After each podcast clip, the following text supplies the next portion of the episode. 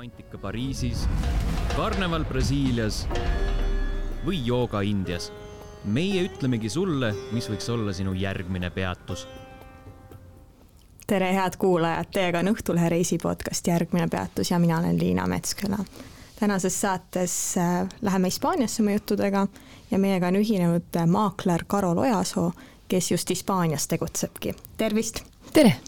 No kui pikalt sa Hispaanias seda maakleritööd siis teinud oled? ma olen elanud Hispaanias kaheksa aastat ja täpselt sama kaua ma olen maakleritööga ka tegelenud professionaalselt. aga tegid seda siis ka Eestis ja lihtsalt kolisid oma tegemistega Hispaaniasse üle või see oli selline elupööre, karjääripööre ja kõik muud sellised asjad? ei, ma Eestis ei ole maakleritööd kunagi teinud. Mm, minu ema on küll kinnisvarainimene, eluaegne, aga me suhteliselt vähe rääkisime sel teemal mina olen olnud turundusinimene ja, ja avalike suhete inimene, mul on semiootikas magistrikraad ja siis äh, ma olen tegelenud äh, jah, turundusega ja eriti ülikoolide turundusega päris palju, et, et ma olen töötanud mitmes, mitmes Eesti ülikoolis. turundusjuhina või, või siis avalike suhete juhina või siis muus, muus ametis ka. ja kuidas siis see arusaam tuli, et võiks Hispaanias maaklerina leiba teenida um,? See oli suhteliselt, see oli suhteliselt suvaline otsus, selles mõttes, et et mu toonasele abikaasale tehti pakkumine, sest tema küll on, küll on kinnisvarainimene. ja, ja ta ütles, et teda see nagu ei huvita, aga et, et sina, Carol, oleksid selles kindlasti hästi hea. ja ma ei saanud üldse aru, mida ta silmas pidas aga ma võtsin selle selle mõtte nagu vastu ma läksin nende inimestega rääkima, kes seda, kes seda, kes seda pakkumist nagu tegid ja ja ma hakkasingi maaklerina tööle. ja jah long story short, et ma ei ole mitte midagi muud peale seda teinud, ma olen nagu, ma ei ole üheski töös mitte kunagi õnnelikum olnud ja, ja noh, ma ei tea, ma arvan, et mul tuleb hästi välja ka on seal mingisugused äh, litsentsid, et sa saaksid Hispaanias maaklerina töötada või, või lihtsalt hakkadki pihta, hakkad siin maju näitama ja, ja klienti otsima või kuidas see käib? vot kahjuks ei ole jah litsentse ja, ja me õudselt oleme võidelnud selle nimel noh, tõesti aastaid tegelikult kinnisvaraprofessionaalidena. et igaüks ei saaks alustada niisama. et noh, muidugi mul oli see võimalus ja ja ma olen ennast kaheksa aastat katkematult äh, harinud, ma räägin kõrgtasemel hispaania keelt, ma loen seadusi hispaania keeles, ma noh, ühesõnaga noh, ma olen nii palju tööd teinud. ja ma leian, et see ei ole õigustatud, et igaüks võib tulla ja hakata seda tööd tegema, sest et see on siiski niivõrd mitmetahuline ja nii raske töö, tähendab selles mõttes, et sa pead olema ikkagi väga võimekas inimene. tegu on inimeste elusäästudega ja sa pead olema võimeline andma nõu, finantsnõu, noh, hästi palju psühholoogiat on muidugi selles töös ka. aga noh, et jah, et see, seda me kõik professionaalid nagu hästi no me oleme hästi kurvad selle üle, et igaüks võib tulla ja teha ja nii palju on neid, kes noh, poseerivad piltidel ja õudselt kihvt ja ilusad majad ja kaava ja kõrged kontsad, aga noh, tegelikult see töö ei ole üldse sellest. see on nagu, oled näinud Netflixi Selling Sunseti, mis seal LA-s on või? Need kinnisvaramaaklerid, et, et äh, kujutatakse ilmselt ette, et see on nii glamuurne töö, kas äh, Hispaanias ei ole see glamuurne töö? ma ei oska sulle öelda, sest et sa pole näinud seda? ma ei ole näinud seda aga täpselt seesama, et äh, šampanja voolab ja, ja kõrged kontsad ja, ja. ilusad outfit'id, et, et täpselt selline, sellist elu seal näidatakse okei okay,, ma usun sind, ma lihtsalt oma elu esimese teleka ostsin sel suvel ja mul on Netflix ka nüüd Äh, ma ei ole mitte kunagi, ma olen nagu meediatarbimist äh, pidurdanud, seepärast et noh, oma hariduse pärast, sest et ma analüüsin kõike ja see on mulle koormaks. Ähm, jah, et äh, aga, aga noh, pealtnäha võib-olla ongi või selles mõttes, et ma ei oska sulle öelda, vaata, mina tegelen luksuskinnisvaraga või selles mõttes, et see firma, kus ma töötan, tegeleb luksuskinnisvaraga. ma kohe etteruttavalt ütlen seda ka, et Eesti kliendid, kes mul on Äh, või üldse kliendid, kes mul on, kes tulevad äh, kas läbi soovituse või, või, või nagu noh, kuidagi just otsivad mind ülesse, et äh, ma ei pane mingisugust nagu hinnapiiri, et, et ma tegelen ainult, ainult kalli kinnisvaraga. aga põhimõtteliselt minu spetsialiteet on luksuskinnisvaral.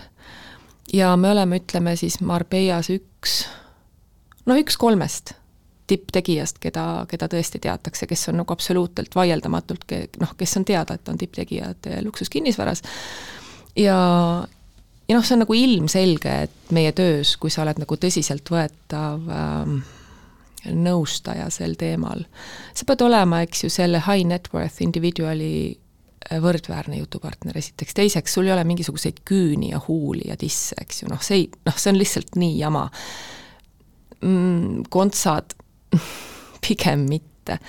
noh see on mingi tase, kus sa pead olema nagu vaimselt võrdne, võrdne partner ja sa pead aru saama, millest need inimesed räägivad, kuidas nad mõtlevad, kuidas raha liigub, kuidas maailm liigub. noh, välimus ei puutu absoluutselt asjasse. aga kliendid on hispaanlased või eestlased peaasjalikult või hoopis midagi, mingi muu rahvus? jah, ma ei oska sulle niimoodi ühte rahvust välja tuua, sest et kuna me oleme nagu jah, noh, selles äh, tipp äh, tippklassis nagu tegijad, siis on absoluutselt kogu maailm. noh, vaata, Marbella on ju natukene selline magnet, et kogu maailm ostab seal, et kui on idas on raha vähe, siis läänes on raha palju ja vastupidi ja kogu aeg liigub, eks ju. minu, minu spetsialiteet on see, et mina nõustan Eesti investoreid äh, Hispaanias kinnisvara ostmise teemal ja minul ongi Eesti kliente päris palju ja see on täiesti okei okay. ja meie, meie firmas on ka teada, et mina toon Eesti kliente ja kõik on selle üle hästi rõõmsad ja ja, ja noh, nii ongi, aga meil ei ole mingit spetsiifilist äh, kliendi spetsiifikat, meil, meil räägitakse kontoris vist mingisugune kolmteist või neliteist keelt, eks ju, ja, ja meil on kliente üle maailma muidugi. Mida, räägime just äh, Eesti klientidest ja mida Eesti kliendid seal Hispaanias äh, teevad, et mis, mis nad tahavad, et kui nad pöörduvad sinu poole, et kas nad tahavad endale sellist äh, mõnusat majakest või korterit Hispaania lõunarannikul või, või hoopis investeerimiseks või mis, mis need äh, teemad peamised on? täiesti tüüpiline, ma võin sulle välja tuua, see on nii tore. Äh, tüüpiline Eesti klient on selline, kes tahab osta mm, maja või korteri äh, merele suhteliselt lähedal, niimoodi, et ta saaks seal ise äh, paar kuud aastas olla ja siis ülejäänud aja seda turistidele välja rentida. sellepärast, et ROI on seal, ütleme, sõltuvalt äh, kinnisvaratüübist ja sellest, kuidas sa seda välja rendid, on nagu viis kuni kakskümmend aastas. Äh, et see on nagu päris kõva ja seda üritavad kõik ära kasutada mis asi, mida see tähendab? vabandust, return on investment, see on see investeeringu tasuvuse protsent aastas. ehk siis nad saavad äh, lisaks siis nii-öelda näiteks pangalaenule äh, või noh, sellele nad maksavad pangalaenu tõenäoliselt, nad saavad siis veel lisaks äh, tagasi viis kuni kakskümmend protsenti. jaa, mhm, aga e, jah, tavaliselt inimesed ei osta pangalaenuga. ahah, vot seda ma tahan veel hiljem natukene sel teemal küsida sellest ma võin pikalt rääkida ja, ja see, see kõik on mulle väga tuttav teema ja hea meelega jutustan, küsi ainult. Ühesõnaga, nemad tahavad seda mere lähedal asuvat majakest või, või korterit, kui palju siis sellises Marbellas peaks välja käima? tegelikult on nüüd niimoodi, et Marbella on natukene omaette maailm eh, võrreldes ülejäänud Costa del Soliga. ja, ja turismiväärtusega kinnisvara Marbellas maksab natukene rohkem Äh, kui ümbritsevates piirkondades. tegelikult see kinnisvara ja kogu see ümbrus ja on ju hästi sarnane ja ega seal mingit suurt vahet ei ole, aga lihtsalt Marbella nimi on, on nagu kallis mm, ja noh, noh, Costa del Sol ei ole üldse umbne turg, eks ju, et seal ei ole mitte kunagi ainult ühte sorti investorit või ainult ühte sorti klienti, et seal on terve maailm koos, nagu ma enne ütlesin, ja seal alati liigub ja sellepärast ongi, ja Marbellal on omaette nimi veel. ma tahaks Marbella kohta natukene kummutada mingeid müüte, kui sa ei ole selle vastu võib-olla üheksakümnendatel ja kahe tuhandendatel oli Marbellal selline peo sihtkoha kuulsus. noh, enne seda Marbellal on tegelikult kuulsusrikas minevik alates tuhande üheksasaja viiekümnendatest aastatest, kui prints Hohenlohe seal tegi oma puhkusekompleksi, ehitas välja ja seal hakkasid käima äh, Hollywoodi staarid ja, ja Euroopa kroonitud pead puhkamas ja sellest ajad, alast ajates, sellest ajast alates on, on Marbellal niisugune nagu sihtkoha kuulsus, eks ju.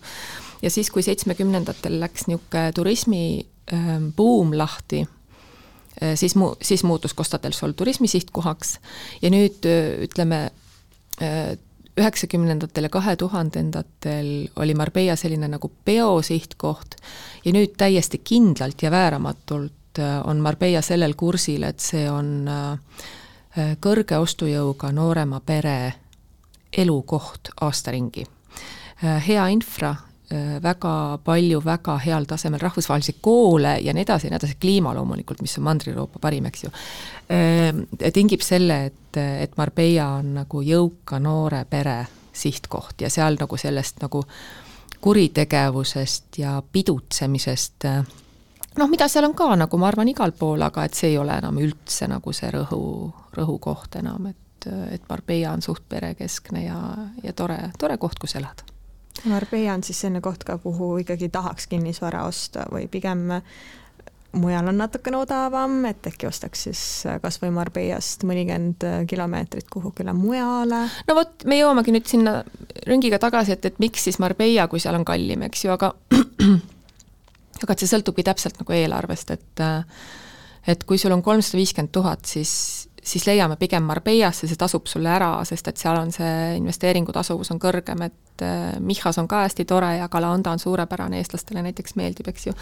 aga et, äh, et kui on, kui on varianti, siis võib-olla, võib-olla pigem, aga sõltub inimese eesmärgist, et kui sa tahad ise äh, vaikselt olla ja rahulikult oma oma jalga kõlgutada, eks ju, oma katuseterrassil, siis tegelikult on noh, igas kohas on tore ja, ja peaaegu, peaaegu iga eelarve eest leiab midagi noh, võib-olla alla saja viiekümne tuhande on keeruline leida sellist äh, kinnisvara, mis oleks kindlasti turismi väärtusega, mis tähendab seda, et seda saab nagu aastaringselt turistidele välja rentida, siis kui see seal ei ole. aga jällegi, kui väiksema eelarvega inimesed soovivad ka Hispaania lõunarannikule midagi osta, siis see on täiesti võimalik, et kaugemale sisemaale ei ole mingit probleemi leida kaheksakümne tuhandega mingisugune väike külamajakene ja ja, ja seal rahulikult väga, väga hästi nautida oma elu. nüüd võib-olla küsimus on selles, et mille, mis nagu mõttega eestlased tihti tulevad, et tahaks mingit majakest, kus oleks natukene maad ümber, sellist asja ei eksisteeri me oleme siin Põhjamaal, eestlased on harjunud hajaasustusega ja Vahemere maades on teist sorti elustiil, kõik ei ole omaette majakest väikse aiaga. et on kas külas kõik kobaras koos või siis kuskil mägedes põldude vahel, noh, mis ei ole elatav selles mõttes, et see on juba legaalselt täiesti teistmoodi, teistmoodi nagu liigitatud ja see ei ole nagu elamiseks mõeldud no sina küll tegutsed seal Marbellas, aga üleüldises mõttes ma usun, et sa oled kursis, et kuhu üldse Hispaanias kõige enam tahetakse endale elamist osta ja mis kanti sa soovitaksid?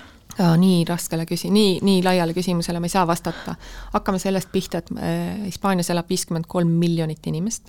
ma räägin eestlased siis, kes, kes ja, tahavad ja? ja, ja, aga Hispaania on suur seal elab viiskümmend kolm miljonit inimest, et see on nagu hästi suur riik.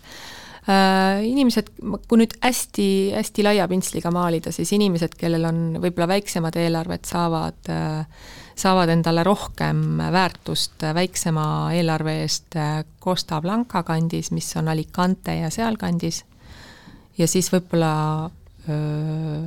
kellel on natukene suuremad eelarved, tulevad Malaga, Costa del Soli kanti, et see on nagu hästi laia pintsliga maalitud, ma ei tea, kas üldse võibki nii öelda. aga noh, põhimõtteliselt hinnad on natukene soodsamad Costa Blanca kandis no ma palusin sul no,, lähme siis oma juttudega ikkagi sinna Marbella kanti, siis oleme natuke konkreetsemad, see on sinu spetsialiteet seal.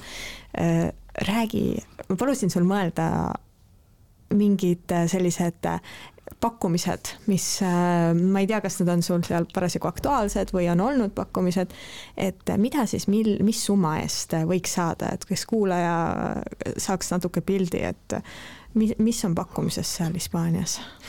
no alustame võib-olla sellisest statistikast, et Hispaanias on, äh, on kõige rohkem äh, kortereid äh, inimese kohta, selles mõttes, et inimesed elavad pigem korterites, et kõige suurem, kui elu, elupindade protsendilt kortereid on kõige rohkem Euroopas. et, et maju on nagu vähem.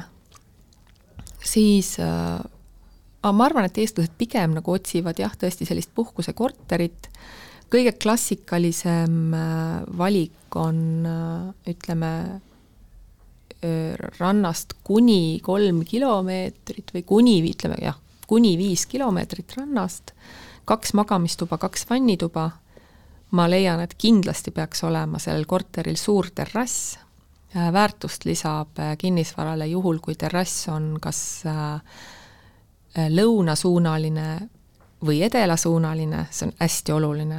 Äh, Hispaanias üldse kinnisvara ostes on, on orientatsioon päikese suhtes. Ja siis võiks olla kindlasti noh, bassein, eks ju, niisugused troopilised aiad, nagu ikkagi on tüüpiline ja maa-alune parkla. see on selline täiesti klassikaline puhkusekodu pakkumine, mida on seal nagu hästi palju ja lihtne leida. tahan seda ka öelda vahepeal, et see, mida meie pakume, võib-olla meie firma pakub, eks ju, noh, ütleme miljon alates ülespoole kinnisvara ja see ei puutu absoluutselt asjasse. et Hispaanias käib kinnisvara ostmine niimoodi, et ostjal on oma agent, müüjal on oma agent, tehingud tehakse professionaalide vahel ja ja noh, hästi oluline, et sul oleks nagu korralik esindus, et mina võin, mina võin pakkuda absoluutselt kõikide agentide kinnisvara, mida pakutakse, et noh, tegelikult terves Hispaanias mul on ligipääs kõikidele andmebaasidele. et see, mida minu firma müüb, see ei ole üldse oluline.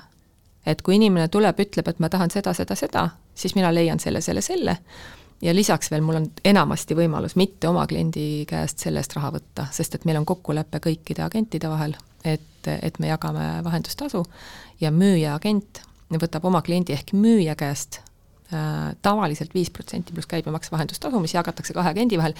et selles mõttes on see nagu ostjal veel nagu eriline luksusteenus ka, et äh, et ma selgitan, eks ju, või noh, mina või ükskõik milline teine agent või korralik agent, eks ju, et selgitab kogu süsteemi ära, seletab kõik maksud ära, äh, saab pakkuda kõikide kõikide pakkumiste hulgast äh, parima selle, noh, mis täpselt sellele kliendile vaja ja nii edasi, et äh, et tasub endale hästi valida, valida väga hea agent, kes selle kõigega kursis on, kellel on ligipääs kõikidele andmebaasidele, kes kindlasti räägib kõikides keeltes, sellepärast et ilma hispaania keele oskuseta on nagu natukene narr, eks ju, et sa ei saa tegelikult ikkagi mitte millestki aru.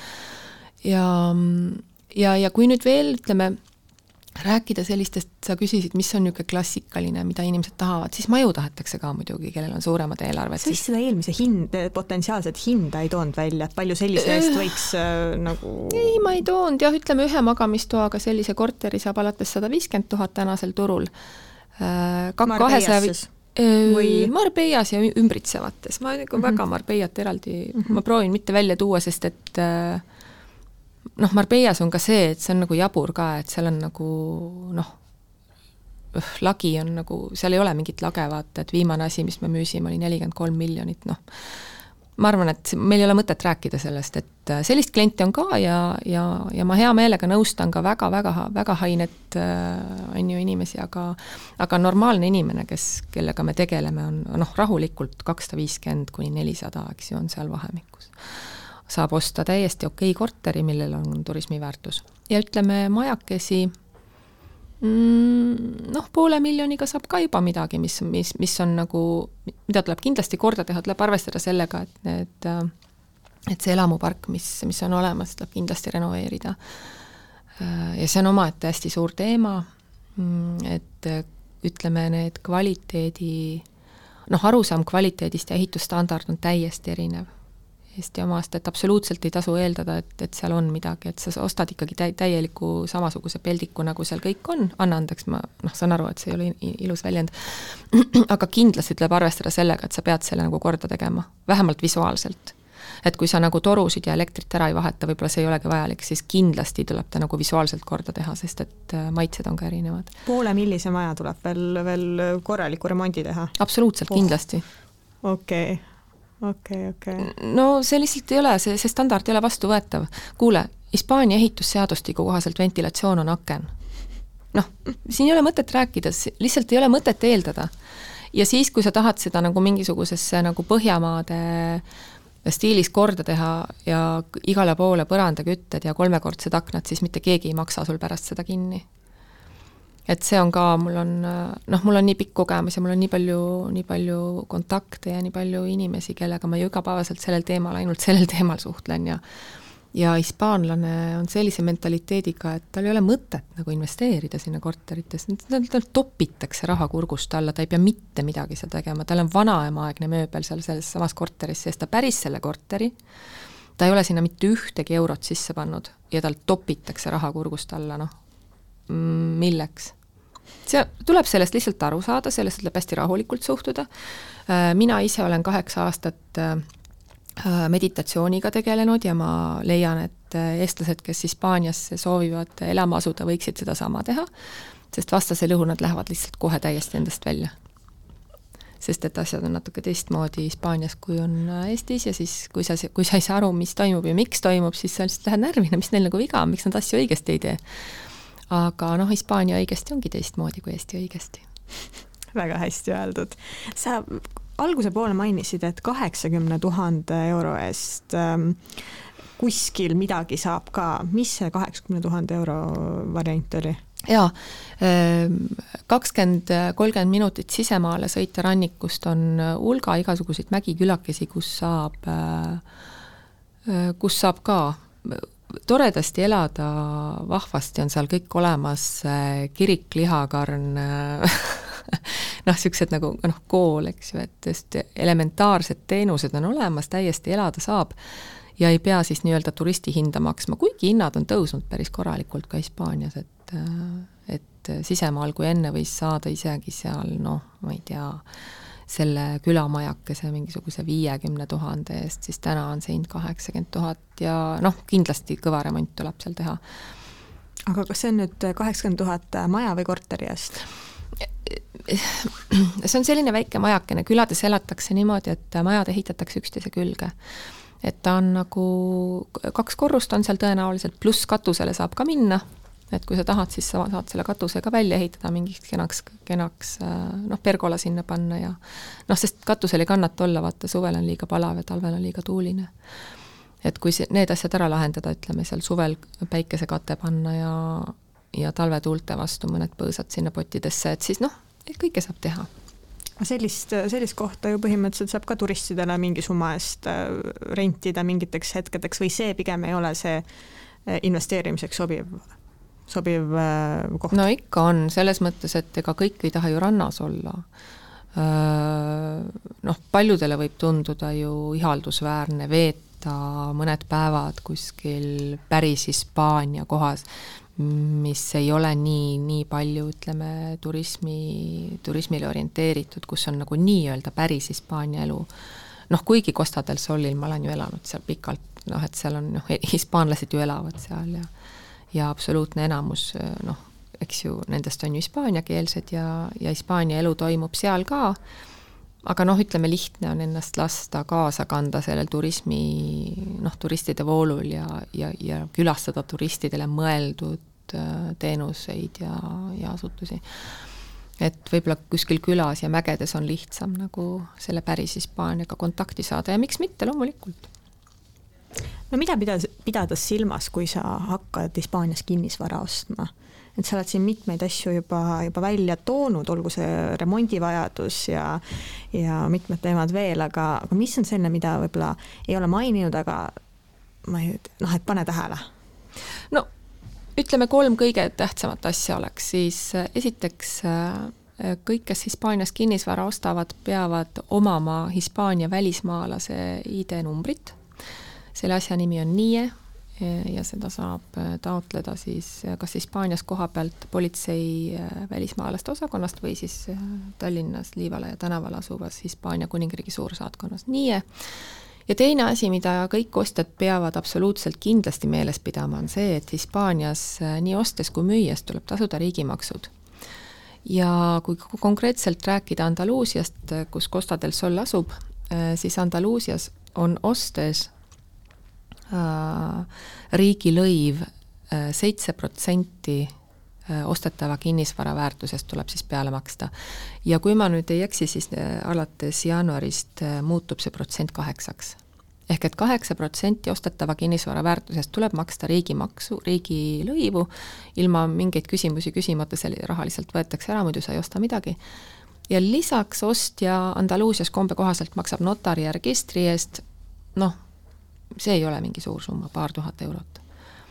aga võib-olla neid asju siis peaks jah, eh, silmas pidama, et see nii-öelda ID-number kindlasti peab olema, eh, riigimaksud tulevad juurde ostetavale kinnisvarale hinnale lisaks ja siis hästi oluliseks, tõesti, ma ütlen, ma tean, et ma olen seda korra öelnud, aga aga et sul peavad olema hästi head nõuandjad, sest et Hispaanias võib igaüks maakler olla ja ta võib olla just alustanud või ta võib eh, mitte osata üldse keelt ja ja igaüks võib teha, mis ta tahab. Ja see on täiesti seaduslik, nii et, et tuleb tasu, kindlasti äh, kuulata noh, nende inimeste nõu võib-olla, kes on sinna juba ostnud ja, ja kellel on hea kogemus äh, oma maakleriga olnud või, või siis kes teab, et, et keegi, kes on nagu väga asjatundlik mis siis juhtub, kui ei ole hea nõuandja, et mis ämbritesse võib kolistada oi, oi, oi, oi, oi, oi, oi, oi. kas nüüd on järgmine tund äh, sisustatud nende juttudega või? tead, ma ei taha, ma ei taha kedagi hirmutada, selles mõttes, et, äh, et see, et see saade on ju helge ja tore ja Hispaania on nagu tore, tore sihtkoht, aga aga noh, ütleme, põhiline asi, mida kõik peaksid teadma, on see, et Hispaanias võib osta ja müüa kõike. Äh, seda asja, mida ostetakse või müüakse, ei pruugi eksisteerida Äh, sellega ei pruugi saada teha mitte mingisugust äri. tal, tal, ta ei pruugi olla üldse seaduslik. see korter näiteks, äh, suures hoones korter, mida müüakse, eks ju, ja ja seal ei pruugi olla näiteks kasutusluba, mis tähendab, ja hästi paljudel ei olegi, pooltel ei ole. noh, selles mõttes, et sa pead nagu ikkagi väga hästi teadma, mida sa teed. Äh, ja pärast sa ei saa seda, seda kinnisvara väljarentimiseks kasutada. ehk et sa saad, aga sest igaüks teeb, mis tahab, eks ju, ja see on inimese oma otsus, aga sa võid saada trahvi, mis võib kündida kuni neljakümne tuhande euroni. ja nii edasi ja isegi suuremaks, et noh, et seal on nagu hästi palju, hästi palju karisid, kuhu otsa võib koperdada. ja inimene, kes ei ole väga kogenud ja ei tea väga hästi seadusi, äh, siis see võib olla väga, väga suur probleem kui sa ostad kinnisvara, millega sa pärast oled nagu väga käsist jalust seotud, teine asi on see, et kui ta ei ole seaduslik, sa oled ise ostnud oma säästude eest selle korteri, eks ju, ütleme no a la kakssada tuhat, tore, hea hinnaga sain, aga nüüd sa ei saa seda edasi müüa, sellepärast et äh, et kuna ta ei ole seaduslik, siis äh, mitte ükski pank ei anna äh, selle objekti ostmiseks laenu, mis tähendab, et sinu kliendibaas piirdub sellesama noh, totukesega, kes sa ise olid, et sul on mingisugune papp olemas ja nüüd ürita leida see inimene, kellel on kakssada tuhat taskus ja kes ostab sellise asja, mida pärast on keeruline müüa, eks ju. et tegelikult neid karistu-, komistuskivisid on hästi palju ja ja Hispaanias ei ole sellist õiguskindlust, nagu on Eestis, et kui ühel oli niimoodi, siis kindlasti minul on ka niimoodi, see pole üldse niimoodi, sest Hispaania õigussüsteem on natukene pretsedendipõhisem, palju rohkem pretsedendipõhisem kui Eestis on üks ju noh, seaduspõhine ja ja Hispaanias on pretsedent, eks ju, et noh, selles mõttes ma, ma oleksin väga ettevaatlik. kui levinud selline tüssamine on? kui palju, kui, kui tihti sa näed sellist olukorda, et kogu aeg kõrvalt... näen, iga päev, iga päev näen. asi ei ole tüssamises, sest et inimene rääkimata jätmine? ei, ei, rääkimata jätmine oleks ka tüssamine mm, -hmm. aga inimene, kes müüb, ta lihtsalt on loll, ta ei tea aga müüja on ka loll siis või? ei, kõik on lollid vabandust, ma jah, ma väljendan nagu jah, ma noh, ma väljendan nii nagu on ja ma väljendan ausalt jah, võib-olla liiga ausalt, aga aga noh, ma olen nii pikalt seda tööd teinud ja ma olen nii vähe näinud päriselt kompetentseid maaklereid. päris see no natuke nagu hirmutab, et, et, et ei tasu sinna niimoodi tõesti minna ise, ise, et ma nüüd noh, Eestis on ju niimoodi, et palun maakleritel mitte tülitada ja, ja saan ise hakkama, kõike müün ja annan üürile ja, ja. kõik sellised asjad, aga, aga Hispaanias tundub see ikkagi selline pigem. ei, aga ma olen näinud ei, aga ma olen näinud väga paljusid eestlasi, kes on palju targemad kui kogu maailm kokku ja ise teen ja siis nad pärast söövad seda suppi ikkagi kümneid aastaid ja mis seal nagu lahendus on, et ei olegi, istudki selle, selle maja otsas, kus sa ei saa mitte midagi teha, et sa ei saa välja ei no sa ei saa, sa ei saa lubasid, sa ei saa noh, kas või kui sa tahad ise ehitada, sest et Hispaanias on kõik nii süta kvaliteediga, mulle see ei sobi, ma teen ise, on ju, ja siis sa ostad mingi krundi ja hakkad tegema, siis sa ei teegi, sa ei saagi tehtud, noh. Sa ei saa seda maja ehitustki kunagi alustada, sest et sellel krundil ei ole teatud nagu, ühesõnaga, lubade saamine on eriti keeruline. alustame sellest, et Marbeias ei ole äh, detailplaneeringut. noh, sa pead olema nagu eriline võlur ja sul peab olema meeletult hea meeskond, et Marbeias äh, noh, julgeda osta krunti ja hakata sinna ehitama, noh, ma, ma nagu noh, see on nüüd muidugi tohutult utreeritud, aga kui inimene ütleb, et aga ma võib-olla, võib-olla ostan krundi ja ehitan ise, siis ma olen tavaliselt öelnud selle peale, et, et see läheb sulle maksma viis aastat su elust ja su abielu. sa lahutad, noh, et see on nagu nii, palun ära tee seda, ära hakka, noh. kui sa oled professionaalne arendaja, siis ma istun sinuga maha ja siis ma räägin sulle nagu noh, realistlikult, okei okay., ostame selle ja selle maatüki, eks ju, sellel on õige, et noh, et see on nagu õige, mm, kuidas see eesti keeles on, anna, anna andeks, et see maakasutus otstarve on õige, eks ju mm. -hmm. et seal on noh, ka hästi palju neid erinevaid kasutusotstarbeid ja mis võib nagu tunduda, et on õige, ei pruugi olla õige, jada-jada, ma ei hakka sellest rääkima. siin noh, eetris tähendab, ma, ma sellest räägin nagu väga konkreetselt siis arendajaga ehm, istume maha, vaatame ja siis ma räägin sulle ära, et realistlikult saad sa selle ehitusloa kahe aastaga, kui sul on hea advokaat, kellel on reaalselt linnavalitsuses käpp sees. ja siis noh, sa mõtled, et sa paned selle maja püsti, eks ju, elementmaja võib-olla seal kahe kuuga, noh ei pane, sest et sul tulevad järjest muud load peale, sa, sa pead ootama järgmist luba, sa ei saa oma ehitust enne lõpetada. ehitus võtab kaks aastat ja siis selle viimase, ütleme, kasutusloa saamine veel, ütleme pool aastat kuni aasta, et noh, viis aastat reaalselt. ja, ja kui sellega inimene saab aru, noh, mida ma talle just ütlesin, ja tahab seda teha, siis, siis ma leian sulle parimad advokaadid, ma leian sulle parimad arhitektid ja tõmba tuld, noh, sellepärast et, et Marbellas arendamisega saab teha väga kõva raha, väga kõva raha. Samamoodi nagu flip imisega ka, et kui sa ostad, siis sul peab olema, ütleme, kümme protsenti lisaks ostuhinnale, müües tuleb teine kümme juurde, et aga flip imisega saab ikkagi veel raha teha, kusjuures sa maksad kakskümmend protsenti, eks ju, ära, pluss riigimaksud ja pluss sul peab olema, eks ju, kasum sees et isegi sul on, noh, sul peab olema viiskümmend protsenti äh, äh, peale, et, et, et korralik flip välja tuleb, aga isegi flip imisega saab seal raha teha, kui sa tead, mida sa teed. sest et mida mulle õudselt meeldib ka äh, rääkida sellest, et igal turul on võimalik hästi osta ja ja kui inimesed küsivad, et noh, et millal need hinnad langema hakkavad, siis ma lihtsalt, ma ei julge mitte midagi öelda, sest et niisugust asja ei tohi öelda. me ei tea seda. kas ja kuna langevad noh, tõenäoliselt, mis tõuseb, see langeb, eks ju, see on loogiline, aga, aga millal täpselt ja kui palju, jumala eest, ära küsi mu käest, ma ei ütle sulle. aga igal turul on võimalik hästi osta. ja, ja hea investeering ei ole mitte hea müümine, vaid hea ostmine.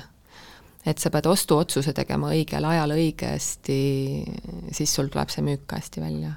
noh, sest me ju arvestame, et ühel hetkel sa ju müüd selle oma kinnisvara maha, eks ju noh, ma oma kliente nõustades üritan ka seda silmas pidada, et, et mitte see, mida ta seal praegu teha tahab, vaid et noh, see on ju hästi pikk äri, kinnisvaraäri, eks ju. sest ühel hetkel sa tahad müüa ja siis, kui sa vaatad, mida sa oled ostnud minuga, ja sa ei saa seda müüa või sa oled käsist jalust seotud, sul on suure kahjuga see müük tuleb ja nii edasi, et, et selliseid olukordi ma üritan vältida alati. et isegi kui klient ei tea, ja küsida või ei tea, mida ta tahab, siis ma vähemalt noh, vähemalt endal nagu nii-öelda tagakuklas üritan hoida alati selle tunde nii-öelda õige, et, et mu klient, kes on minuga ostnud, ta alati noh, on, on nii-öelda võidus. kas eestlane tuleb siis ja paneb selle, selle suure summa raha lauale ja siin ta on, ostan ära või, või on ka mingites olukordades pangad mängus, ma muidugi ei tea, kas Eesti Pank üldse annab välismaal kinnisvara ostmiseks. väga hea meelega räägin sellest teemast, mul on, mul on hea meel öelda, et, et Hispaania pangast saab väga-väga lihtsasti laenu tegelikult, kui sa tahad kinnisvara osta. et kuna see noh, kinnisvaraäri ja, ja see kinnisvaravahendus on nii levinud ja ja Hispaania on sellest aru saanud, et noh, teatud piirkondades kuni kaheksakümmend protsenti omavalitsuse sissetulekutest tuleb ju turismist, eks ju, ja siis seda üritatakse kuidagi nagu ka hoogustada ja aidata kaasa, siis see on niisugune täiesti rusikareegel, et äh, mitteresidendist ostja saab Hispaania pangast kuni seitsekümmend protsenti finantsatsiooni, eks ju. nüüd seitsekümmend protsenti, seda ei juhtu mitte kunagi. võib arvestada sellega, et sa saad kuuskümmend. ja nüüd arvesta sinna otsa, et sul peab olema ju see umbes kümme protsenti maks ka maksudeks tasuda.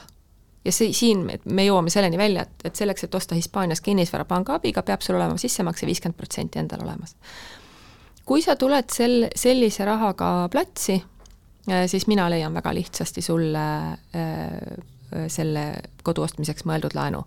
nüüd teine asi, mida eestlased peavad silmas pidama, on see, et Eestis ei ole kombeks endale palka maksta ja vahel ka mitte divikaid ja siis äh, kuidagi saab niimoodi elatud, et, et ei pea mitte midagi deklareerima, siis Hispaania panka ei huvita üldse, mitu firmat sul on, kui palju sul firmades raha on, kui palju sul kinnisvara on, need asjad absoluutselt Hispaania panka ei huvita. Hispaania pank vaatab, kui ta hakkab sulle laenu andma, vaatab ainult sinu tuludeklari väljavõtet. viimase kolme aasta tuludeklari väljavõtet, sealt vaadatakse, mille eest sa oled oma maksu maksnud. ehk et lähevad arvesse palk ja dividendid. Ja kui sinu sissetulek, ametlik sissetulek, mille pealt on maksud makstud, on piisav selleks, et, et seda kinnisvara osta, siis ei ole absoluutselt mitte mingisugust probleemi sulle laenu saada. Aga Eesti Pangast, noh, kui ma küsisin panga kohta, siis mm -hmm. ma tegelikult isegi ei mõelnud Hispaania panga peale, sest ma ei arvanud, et eestlane sealt saab kas Eesti Panka on mõtet minna küsima?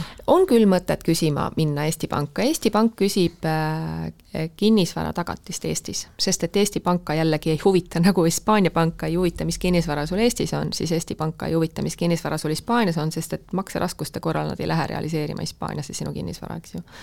et selle võrra pead sa panema Eestis tagatise ja praegu noh, ma ju, ma ju ei tea, mis Eestis toimub, eks ju, ma noh, ma ju ei ole väga kursis, aga ja ei ole ka noh, ei ole väga huvi tundnud, aga ma tean, et, et mida Eesti kliendid mulle räägivad, on see, et keskmiselt on Eestis praegu kallim laenu võtta kui Hispaanias. okei okay.. jah wow.. jah, väga lihtsasti, et Hispaanias ma saan sulle praegu kaks koma kaheksa kuni kolm koma viis, milles on Euribor juba sees ja Eestis tõenäoliselt nii väikselt, väikse äh, protsendiga laenu ei saa. no Euribor ise on juba kuskil nelja kandis või?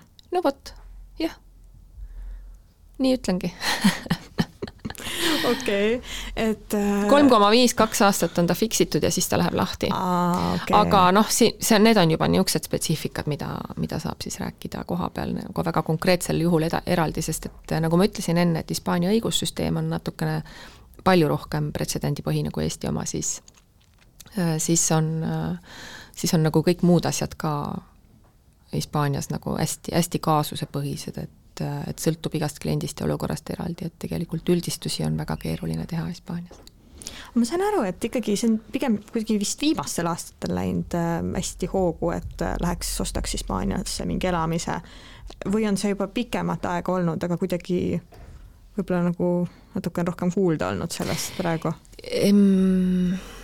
jah, ma olen, ma võin nüüd seda küll kinnitada, ma olen seda varem ka välja öelnud, et äh, peale Ukraina sõja algust hoogustus väga palju eestlaste kinnisvara ostmine Hispaanias. kindlasti muudes riikides ka, aga mina ju ei tea, eks ju, ma tean Hispaania kohta rääkida. ja noh, see on hästi kurb, aga see on arusaadav, et inimesed üritavad oma, oma investeerimisportfelli mitmekesistada, on müüdud maha noh, Eestis asuvat kinnisvara, et, et natukene kaugemale osta midagi, et juhul, kui midagi juhtub, et siis, et siis oleks, kuhu minna hästi-hästi südantlõhestav on see, aga nii on, et ma võin seda kinnitada, jah jah, seda ma, võib, võib öelda, et seda ma kahtlustasingi, et, et, et ilmselt see sinna, see nendel põhjustel ka võib olla. aga võtame siia lõppu selle Airbnb teema, et ma kujutan ette, et kes ostab, tahab ka paljuski seda Airbnb või muu platvormi kaudu ja. välja rentida, suurem osa ajast. Kui, mida silmas pidada siin? mis mis nõuandeid sa annaksid, et, et ega Eestist ju ise ei halda väga seda. aa, noh, selles mõttes, et äh, kaks põhipointi on, et esiteks otsi endale väga hea nõuandja, kes ostab sulle, aitab sul osta sellise kinnisvara, mida on võimalik välja rentida legaalselt Airbnb või teiste vahendusplatvormide vahendusel.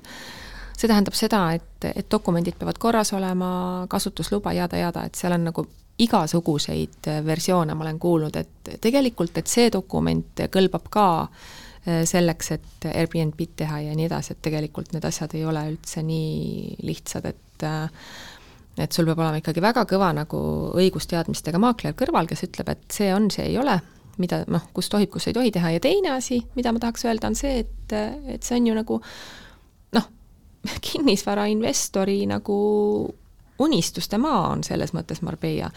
et seal on aasta ringi käib äh, turism, suvel on siseturism, ehk et terve Hispaania valgub rannikute äärde suvel ja, ja Hispaania puhkab augustis, ehk et äh, juulis-augustis on seal nagu meeletult kõrged rendihinnad, sest et isegi hispaanlased tulevad, mitte ainult välismaalased, ja terve ülejäänud aja äh, on seal kas golfiturist või siis nii-öelda kliimapagulane. et sul on terve aasta võimalik välja rentida äh, ja tänu sellele on seal see tööstusharu väga hästi välja arenenud, ehk et sul on igas külas mitu-mitu-mitu inimest, kes seda teenust pakuvad. täielikku haldusteenust kuni pirnide vahetamiseni ja linade pesemiseni välja, et sa ei pea sellega ise tegelema.